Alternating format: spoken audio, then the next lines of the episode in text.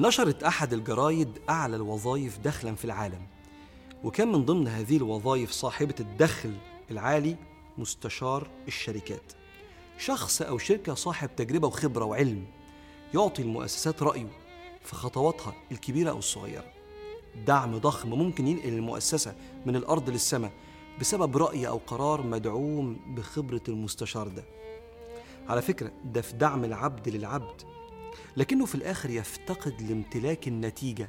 لكنه في الآخر غلبة ظن كده. لو مشيت على كلامي هتنجح.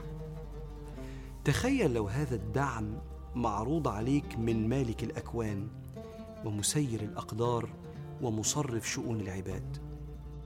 لو خدت قرار في حاجة أو كنت لسه حيران ما تتحركش. قبل ما تستأذن صاحب الأمر. قال صلى الله عليه وسلم كما في البخاري من حديث جابر بن عبد الله كان رسول الله يعلمنا الاستخارة في الأمور كلها كما يعلمنا السورة من القرآن. يقول إذا هم أحدكم بالأمر فليركع ركعتين من دون الفريضة ثم ليقل اللهم إني أستخيرك بعلمك وأستقدرك بقدرتك وأسألك من فضلك العظيم فإنك تقدر ولا أقدر وتعلم ولا أعلم وأنت علام الغيوب. اللهم إن كنت تعلم أن هذا الأمر خير لي في ديني ومعاشي وعاقبة أمري عاجله وآجله فاقدره لي ويسره لي ثم بارك لي فيه. وإن كنت تعلم أن هذا الأمر شر لي في ديني ومعاشي وعاقبة أمري عاجله وآجله فاصرفه عني واصرفني عنه واقدر لي الخير حيث كان ثم ردني به. يا رب رجح لي الأنسب في اختياراتي ولو كنت يا رب أنا اخترت بستأذنك قبل ما أتصرف في أي شيء في أكوانك يا مالك الأكوان. خدت بالك من الحديث؟ كان يعلمنا الاستخارة كما يعلمنا السورة من القرآن. يعني الاستخارة لها قدسية كبيرة زي ما كان بيعلمهم قدسية القرآن. مشايخنا علمونا نستخير قبل أي مشوار أو حتى نلبس إيه النهاردة. فهمت من الدعاء كذا معنى مهم. اولا أنت بتستخير ربنا في أي خطوة علشان عواقبها على دينك ومعاشك وعاقبة أمرك في الآخرة. كأن سيدنا رسول الله بيقول لك ما تبصش تحت رجليك. واحرص دايما في أي قرار في حياتك إنك أنت تفكر في دنيتك ودينك وآخرتك.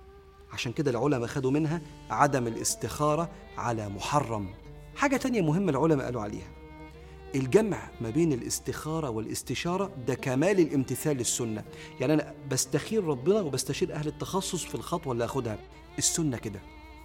وده اللي قاله الإمام ابن الحاج المالكي. حاجة تانية كمان قالوها. قالوا إن أنت ممكن تستخير أكتر من مرة في حاجة واحدة. واستخار سيدنا عبد الله بن الزبير ثلاث مرات في إعادة بناء الكعبة لما اتحرقت. فاستخار أكتر من مرة.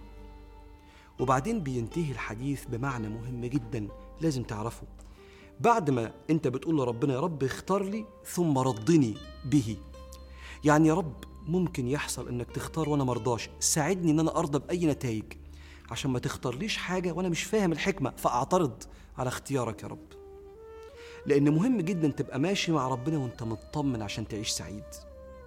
على فكرة الأئمة الأربعة على أن علامة الاستخارة الكبرى هي انشراح الصدر وأنت ماشي في الموضوع. فتلاقي نفسك كده مستريح. لو عندك أمرين بتستخير ما بينهم فتقول إيه مثلا؟ واحدة جاي لها عريسين ما شاء الله.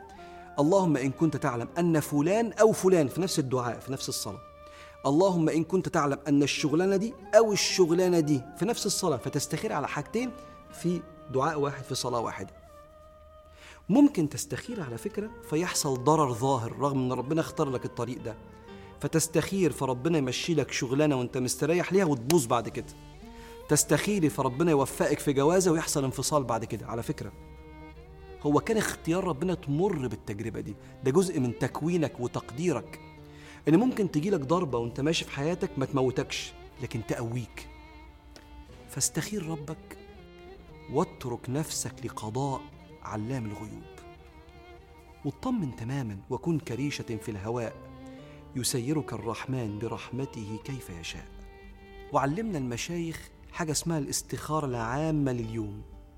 بتصلي الضحى أو مع سنة الفجر إنك تقول اللهم إن كان أي فعل هفعله النهارده فيه خير لي في ديني ومعاشي وعاقبة أمري فاقدره لي ويسره لي. وإن كان أي فعل هفعله النهارده. فيه شر لي في ديني ومعاشي وعاقبة أمري فاصرفه عني واصرفني عنه. وسموها الاستخارة العامة وهذه من الآداب مع الله. إنك ما تبدأش يومك إلا لما تستأذنه في اي حاجة هتتصرف فيها في ملكه سبحانه وتعالى. فاللهم اختر لنا يا مولانا كل خير. ورضنا يا مولانا بكل قضائك. واكفنا يا مولانا بما ينزل علينا من عطائك.